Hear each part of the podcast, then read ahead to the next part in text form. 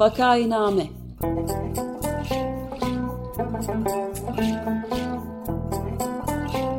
Salgın günlerinde memleket manzaraları.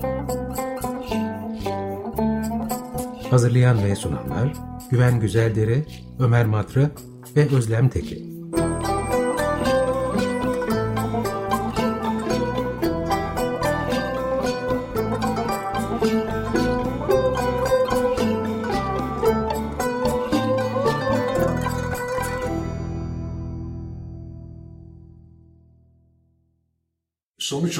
Türkiye medyasının yüzde 92'si organ medyasına dönüştü. Organ bizim mesleğimizde aşağılayıcı bir terimdir. Güvenilmez, organın verdiği habere güvenilmez. Ya, e, yayınladığı zaman bunu ne hesapla yaptı acaba diye sorulur filan. Türkiye medyasının bugüne gelişinin kısa özeti bu. Vakainame'ye hoş geldiniz. 95 FM Açık Radyo'dasınız. Programı Ömer Madra, Özlem Teke ve ben Güven Güzeldere birlikte sunuyoruz. Az önce dinlediğiniz ses e, bugün anacağımız e, artık aramızda olmayan gazeteci Aydın Engin'e aitti.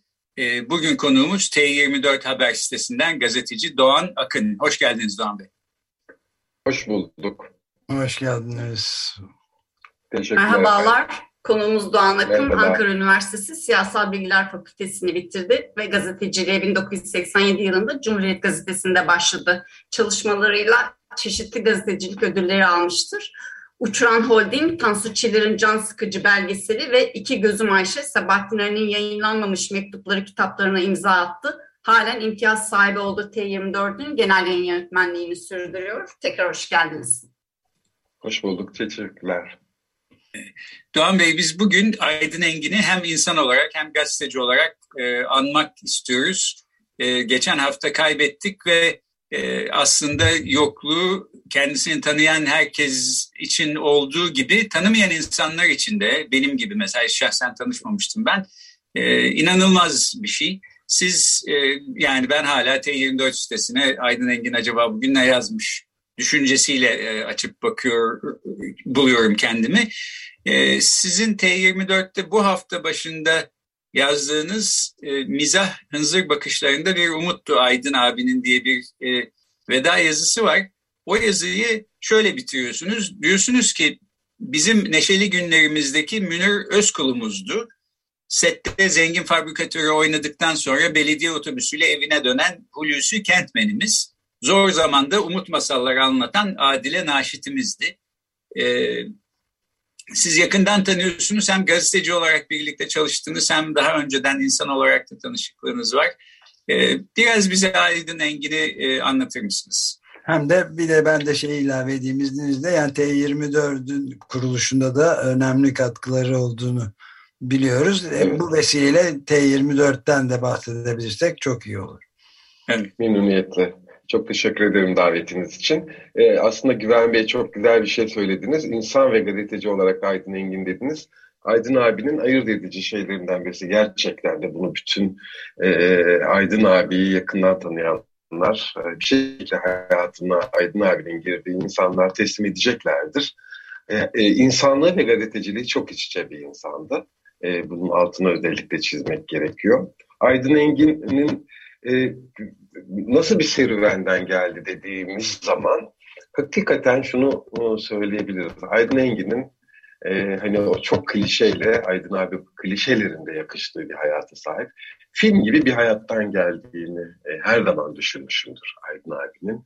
E, Ödemiş'te e, Terzi Sadık Bey'le e, Adalet Hanım'ın oğlu ve kendi e, ara ara e, yeri geldikçe söylediği üzere kitap serpilmiş ve kitapla e, e, oyalanılan bir evde yetişmiş bir çocuk e, lise yıllarına kadar. Ondan sonra İstanbul Hukuk Fakültesi'nde e, ailesinin mühendislik e, eğitimi görmesi beklentisine rağmen İstanbul Hukuk Fakültesi'ne kayıt yaptırıyor ve o yıllarda bence gazeteciliğini de çok etkileyen, gazetecilikteki üretimini de çok etkileyen e, tiyatro e, şeyine, uğraşına, mesaisine başlıyor. Önce amatör tiyatro İstanbul Üniversitesi'nde öğrenci tiyatrosuyla başlıyor. Sonra Gülriz e, Sururi Engin Cezan Tiyatrosu Kenterler'de e, çalışıyor. Daha çok e, dramaturgluk, e, birazcık şey e, senaryo yazarlığı, oyun yazarlığı gibi bir şeyden sonra hepimizin bildiği meşhur e, halk oyuncularını kendi ifadesiyle söyleyeyim. Onu da çok sık anlatırdı. İstiklal Caddesi'nde yürürken çünkü e, diğer tiyatroları bırakıyorlar çünkü daha devrimci bir tiyatro yapmak istiyorlar. E, ve e, İstiklal Caddesi'nde yürürken e, Umur Bugay'la e, bir, bir müddet sonra e, Müjdat Gezen'le karşılaşıyorlar. İşte e, tiyatro kuralım. Bir müddet sonra Galatasaray'da e, e, bir kişiyle daha karşılaşıyorlar. Tuncel Kurtiz'le yanlış hatırlamıyorsam ve halk oyuncularını e, kuruyorlar. Halk oyuncularında da Aydın abi e, oyuncu değil yine orada epeydir aklında olan bir proje olan Devri Süleyman'ı yani o dönemlerin işte önemli en önemli siyasi figürlerinden birisi Süleyman Demirel'in e, Isparta İslamköy'de doğmuş bir çoban olarak başbakanlığa gelişin hikayesini e, dair göndermeler içeren ve e, hakikaten tiyatro e, tarihimi de geçen sahnelenmesiyle yasaklanıp ondan sonra yasaklara karşı mücadelesiyle bir macerası oluyor. Tiyatro 8 yıl Aydın abinin hayatında çünkü yine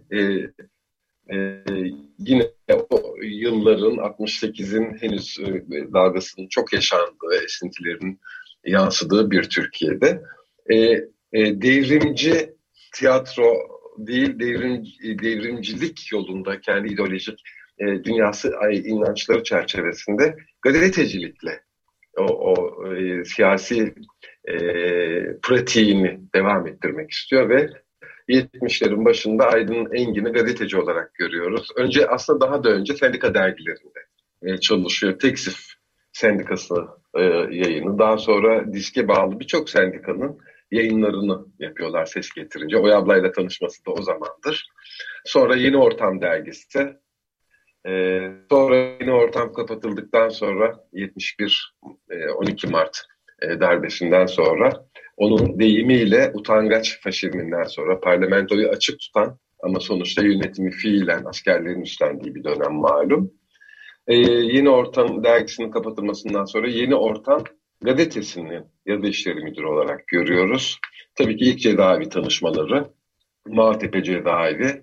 E, epey bir cezaevine uğramışlığı var. Davutpaşa Kışlası'nın cezaevine çevrilmişti biliyorsunuz. Davutpaşa var, Sağmalçılar var.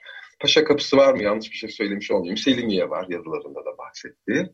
Ve nihayet 1976'dan itibaren de TKP'nin yayın organı olarak bilinen Politika gazetesinde yazı işleri müdürü olarak görüyoruz ve politika kapanana kadar Aydın abi e, orada e, yöneticilik görevini sürdürüyor. Şimdi bu programın da hemen başında e, yayınladığınız kısa kayıtta yayın organı, e, organ e, lafını yayınlar için kullanmıştı. O yıllarda da e, politikayı yönetirken de TKP'nin bir parti yayını gibi e, domine etmesine karşı e, bir yaklaşımı hep e, ola geldiğini söylüyor. Çünkü gazeteciliğin aslında bir organ olmaktan öte bir e, daha önemli fonksiyonu olduğunu e, inancını her zaman dile getirmişti e, bizimle sohbetlerinde, kayıtlarında, konuşmalarında. Aydın Engin'in serüveninde birkaç şeyi ayırt edebiliriz. Birincisi e, özetlediğim tiyatro, senaryo, Yılmaz Güney'in filmlerinin de özellikle o salon filmlerinin de Vurdulu Kızıl filmlerinin de zannederim yaklaşık 18-19 Yılmaz Güney filminin senaryosunu adını koymadan e, yazmıştı. E, tiyatro, senaryo e, bir boyutu ve gazeteciliğine çok yansıyan, üretimine çok yansıyan bir boyutu. İkincisi gazetecilik.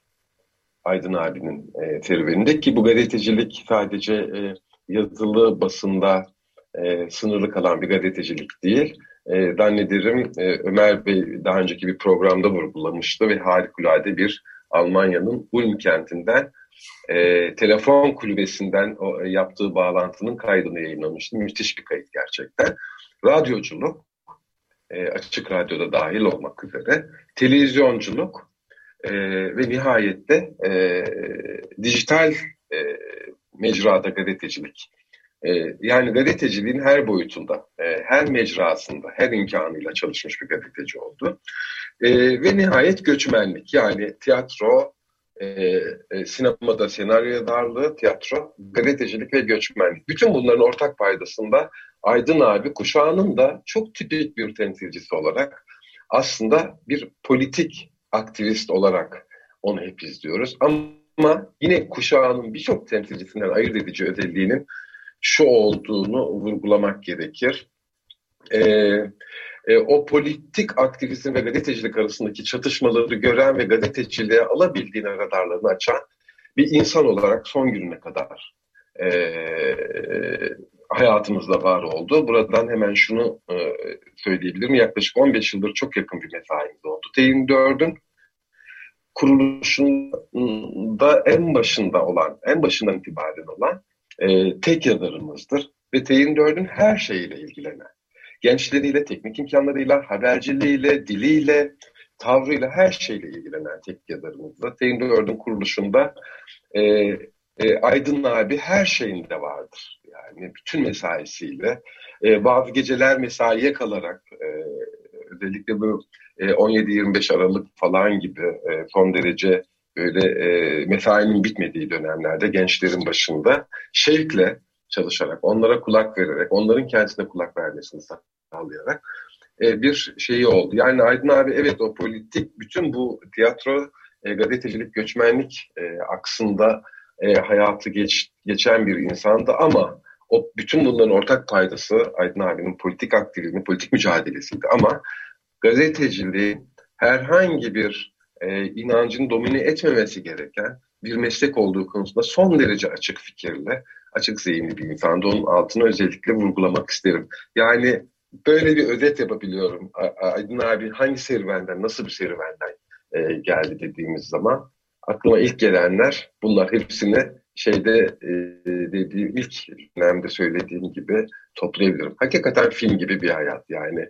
Her dönemeci çok ayrıntılı, çok komik. Yani Aydın Engin'le ilgili bir cümle sadece söyleyin deseniz, bütün bu boyutlarında hayatının göçmenlik, sıkıntı, cezaevleri, gazetecilik, siyaset hepsinde hepsine sirayet eden, muazzam nüfuz eden bir şey olarak söylüyorum. Bir cümle söyleyin deseniz çok tatlı bir insandı Aydın Engin. Gerçekten çok tatlı, çok muzip, çok kuvvetli, çok vefalı bir insan ve çok tutkulu, çok takipçi bir gazeteci. Evet yani şeyi de ben de maalesef büyük bir pişmanlıkla şimdi e, fark ediyorum ki e, radyocu olarak birlikte çok mükemmel çok uzun olmayan ama mükemmel çalışmalarımız oldu fakat benim özellikle çok meraklı olduğum bir konu e, radyo tiyatrosu. Aydın'ın o tiyatroculuğunu evet. akıl edip onu ikna edebilirdim de bir oyunda, radyo tiyatrosunda. Şimdi derin bir hüzünle ve pişmanlıkla onu da evet. hatırlamış oldum böyle ama yapacak bir şey yok tabii. Evet. Ee, ben de tesadüfen öğrendim Ömer Bey. Ee, geçen birkaç gün önce bir grupta öğrendim. Aydın abinin yaptığı son çalışma Marmara Adası'ndaki e, öğrencilerin oynayacağı bir tiyatro oyunu olmuş. Zannederim o Marmara Adası'nda öğrenciler için yazmış. Öyle bir oyun yazmış. Yaptığı son çalışma o olmuş. Öyle tesadüfen öğrendim. Evet yani çok çok çok yönlü boyutlu. Bir de dünyanın en e, dürüst ve cesur insanlarından biri olduğunu da eklemek istiyorum burada yani. Evet ben de ona bir ekte bulunayım aslında benim için de yani ben bir okuru olarak bunu söylüyorum. Ee, bir referans noktası oluşturuyor Aydın Engin böyle bir deniz feneri gibi ortalığın toz dumana e, karışmış olduğu özellikle ahlaki açıdan e, duruş açısından tarz açısından e, bugünlerde işte böyle insanın bakabileceği bir kişi. Böyle insanlar çok yok sahiden. O da herhalde evet. Eşsiz ve değerli kılıyor. Burada bir şey daha söylemek istiyorum. Şimdi Aydın Engin'in çok güzel bir kitabı var. Ben Frankfurt'ta şoförken diye malum göçmenlik, siyasi göçmenlik yıllarındaki anılarını anlatıyor. Çok ince bir mizahla. Bunun dışında verdiği birkaç söyleşi falan da var. Onları okuyunca görürüz ki aslında kendisinin de eşi Oya Baydar'ın da e, ülkeleri için iyilikten başka bir şey düşünmeyen insanlar oldukları halde çekmedikleri kalmamış. Yani e, kendi ülkelerinin bu insanlara çektirmediği şey kalmamış. Bu sahiden insanın içini acıtan bir şey. E, 1991'de yasalar değişince işte yatması gereken yıl sayısı azalıyor. E, yine de hapishanede geçirmesi gereken günler var. Almanya'daki hayatını bırakıyor, Türkiye'ye dönüyor. Hapiste yatmak ve böylece Türkiye'ye dönebilir olmak için. E, zaten Türkiye'ye kendi isteğiyle dönmüş. Fakat hapse girmeden önce gidip annesini, yaşlı annesini görmek istiyor. İzin vermiyorlar ve annesi vefat ediyor. Annesini göremeden hapisteyken. E, yani bu nasıl bir zalimliktir? İnsanın bunu e, hafsalası sahiden almıyor ama bütün bunlara rağmen acımtırak bir e, tarza bürünmeden e, mizahını ve yaşam sevincini sürdürebilmiş olması da bence ayrıca e, çok özel e, kılan şeylerden evet. bir tanesi. Evet, şey zaten kendisini çok e, hem yaşadığı hem vurguladığı şey kasete giren bir insan değildi. O nedenle çok kuvvetli bir insan gerçekten. E, kendi ifadesiyle söyleyeyim, miyavlamaktan hoşlanmazdı, yakınmaktan hoşlanmazdı. Yakınmadı da. Yani e, şöyle söyleyeyim, hayatta karşılaştığı her şeyi bir şekilde mesleğine ya da mizaha malzeme yapabilecek kadar hem çağrışımları, ilhamları çok güçlü. Hünerleri e, buna müsait. E, ilginç bir insandı. E, hakikaten de yakından var, şunları çektik, bunları yaşadık gibi bir tarzı olan bir insan olmadı. Bu çok iyi bir şey, çok pozitif bir enerji de e, yayıyor. Hayatı e, e, gerçekten paylaşmanın, e, çıkarsız bir insan olarak paylaşmanın imkanlarını çok arttıran bir şey. Bu tür bir enerjiye sahip olmak. Aydın Engin'in e, bu açıdan evet dediğiniz annesini e, görmek için pazarlıklar yapıyor, yapılıyor Türkiye'de. Yani görsün çünkü son günlerini yaşadığı e, biliniyor o sırada. Ve öyle girsin o kalan işte 70-80 günlük bir cezası var.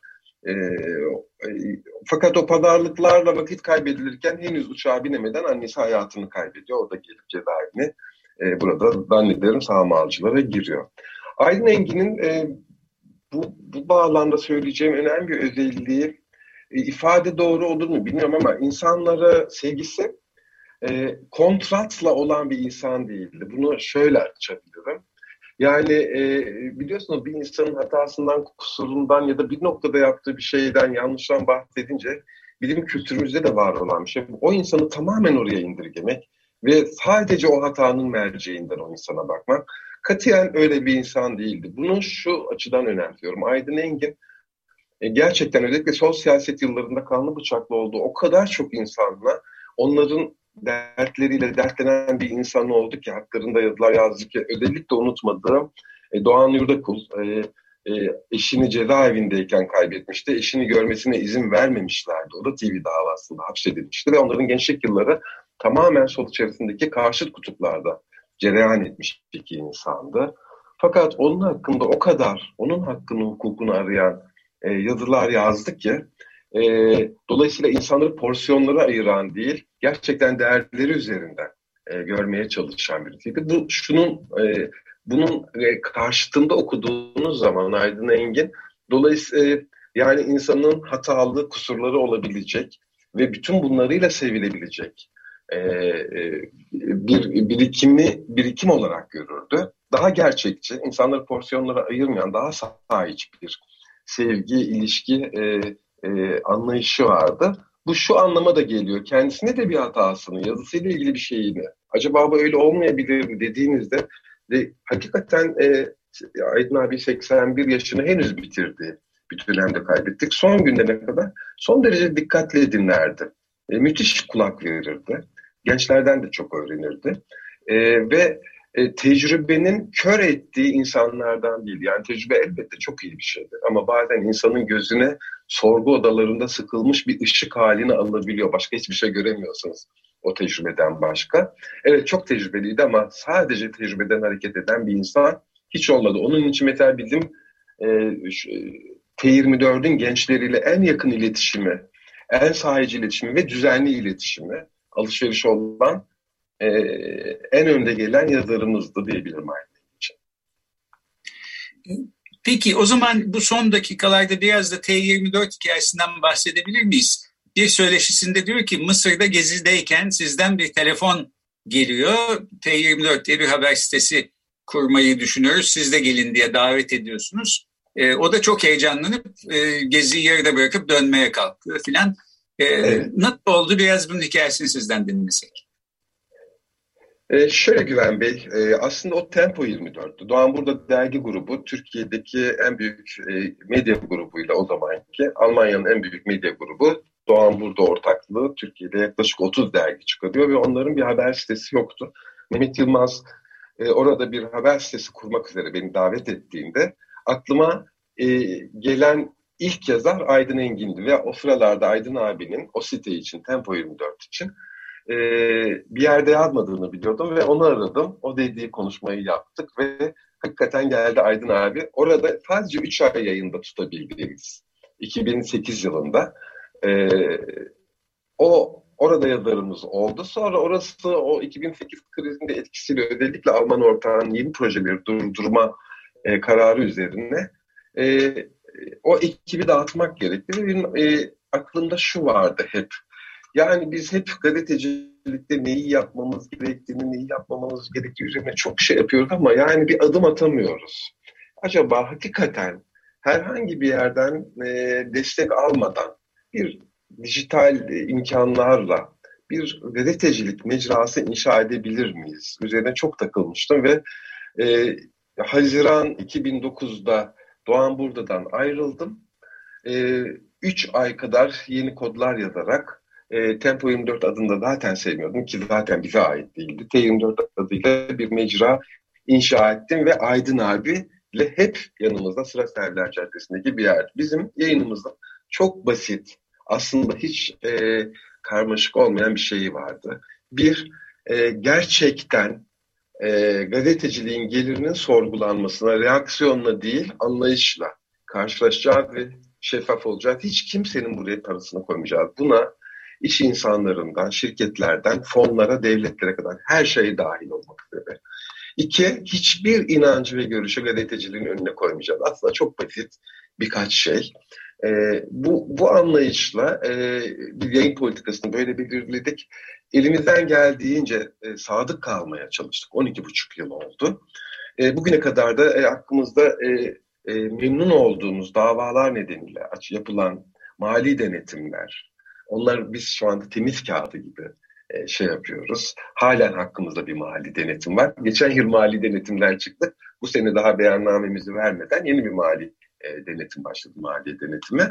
Türkiye'de vergi mükelleflerinin denetleme oranı yüzde bir buçuk ama T24 iki yıllık bir denetim bittikten sonra bu sene tekrar denetime alındı. Ama memnunuz bunlardan, bir problem yok.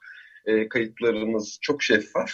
E, e, yayınımızın bence kısa hikayesi bu. Hiçbir görüş ve inancı e, gazeteciliğin önüne koymamak, öncelememek. Yani hem finansal anlamda bağımsız olmak, bir kuruş bugüne kadar buraya hiçbir yerden girmedi. Bunu başlı başına önemsiyorum çünkü gazetecilik yapmak finansal ihtiyaçlar nedeniyle gazetecilere öğretilmiş, şartlanılmış bir çaresizlik olarak önünde çok büyük bir duvar inşa ediyor. Yapmadık. 12,5 yıldır yapmadık ve bugün işte yaklaşık 40 arkadaşımızla biz burayı inşa ediyoruz, şey, icra ediyoruz. E, bir kuruş burada hiç kimsenin parası yok. İkincisi de ideolojik takıntılardan da habercilik kısmında bağımsız olmak, davranmak. Hiçbir görüşü e, kollamak ya da ötelemek gibi bir şeyi haber metinlerine, dillerine mümkün mertebe yansıtmamak. T24'ün bütün iddiası tamamıyla buydu. Elbette hatalar oluyordur, aradan kaçıyordur ama bunların hiçbirisi niyet edilmiş hata olmaz. Yaptığımızda da özür dileriz. E, bunu da hep açıkça yapıyoruz. E, hatayı işlediğimiz mecralardan, e, hacimlerden e, özürlerimizi de diliyoruz. Ama niyet ederek asla yapmıyoruz. Team 4'ün kısa hikayesi bu. E, bütün her zaman meslektaşlarıma şunu söylüyorum. Team 4'ün en büyük e, iddiası doğru haber falan değil. Yani gazeteciliğin Team 4'ün iddiası olabilir mi? Gazeteciliğin doğası gereği e, e, zaten doğru habercilik. Öyle bir iddiası yok. Onu zaten yapmak zorunda. Team 4'ün iddiası e, e, gazetecilik kendi gelirini kazanabilir. Ve kendisini finanse edebilir bir iştir. Yani onun bunun yardımıyla, onun bunun desteğiyle, o kapılardan bir şey isteyerek, bu kapılardan bir şey isteyerek, geçmişteki birçok bağımsız olma hayaliyle kurulan fakat birkaç ay sonra evet gerçekten desteğe ihtiyacı olan bir mecra gibi değil. Biz işimizi doğru yaptığımızda gazeteciliğin kendi gelirini kazanabileceğini, giderlerini e, karşılayabileceğini, üretmediği imkanları tüketmeyen bir meslek olduğunu gösterebiliriz. Teyin en büyük iddiası da budur mesleğimiz için. Evet. Bitiyor galiba. Ben de bir kısacık bir şey daha e, eklemek istedim biterken. Yani Aydın Engin e, yanılmıyorsam e, T24 ile de iftar etmekte olduğunu birkaç defa söyledi, yazdı da sanıyorum. Evet, evet. bana hep şeyi hatırlatıyor. yani onun kendisinin de Hrant Dink'le yakın ilişkisi ve Agos'u evet. Agos'ta da emeğini koyması ikisinin arasında bir önemli bağ da var. Bana göre bu kişisel. Yani evet. ilk bir dinleyici destek projesini yaptığımızda ilk konuşmamızı Hrant Dink'le yapmıştık. Yani nasıl destek almayı düşünüyorsun, ya açık radyo'nun almasını. Orada da unutulmaz bir şey söylemişti. Hrant e, programcımızdı da tabii aynı zamanda. E, etikle estetiği bütünleştirmekte olduğumuza dair ben bundan çok iftihar ediyorum hala bu e, sözle. Müthiş, evet. O günden beri ve aynı şeyi Aydın Engin ve T24 için de söyleyebilirim bence. Çok kıymetli. Dünyaları bize veriyorsun bu tür şeylerle. Umarım hak ediyoruzdur. Hak etmeye çalıştığımızdan kuşkum yok ama umarım hak ediyoruzdur. Çok teşekkür ederim. Ee, ben de e, son şunu ekleyeyim. Sizin bu benimsediğinizi söylediğiniz T24'teki ilkeler herhalde Aydın Engin'de vücut bulmuş ilkeler olarak da e, söylenebilir. Bu açıdan da aslında müthiş bir uyum e, olduğu ortada. Peki programı kapatıyoruz. Son bir birkaç cümle söylemek isterseniz ben sözü size bırakayım Doğan Bey. Ee, şunu söyleyeyim. Aydın Engin T24'te e, yaklaşık 12,5 yıl tecrübe ettik. Birebir. Ben ondan önce Cumhuriyet'te haber müdürü olarak ya da işleri müdürümdü. Her zaman e, çok sevdiğim, çok yakın olduğum bir insan oldu. Çok çıkarsız, çok sahici bir insandı. E, vedası hiç beklemediğimiz bir anda oldu. E, hakikaten yokluğunu çok hissediyoruz. Ama e, o kadar çok e, şey bıraktı ki e, şunu söyleyebilirim hatıralarını güle güle e, Aydın abinin istediği gibi e, e, misafir edecek daima e, aklımızda, fikrimizde, deyim dördümüzde e, olacak onu söyleyeyim. Peki çok teşekkür ederiz. Bugün geçen hafta yitirdiğimiz gazeteci Aydın Engin'i andık. Konuğumuz T24'ten gazeteci Doğan Akın'da. Çok teşekkür ederiz Doğan Bey. Doğan Bey çok, çok teşekkürler. Teşekkürler efendim. Hoşçakalın. Hoşçakalın.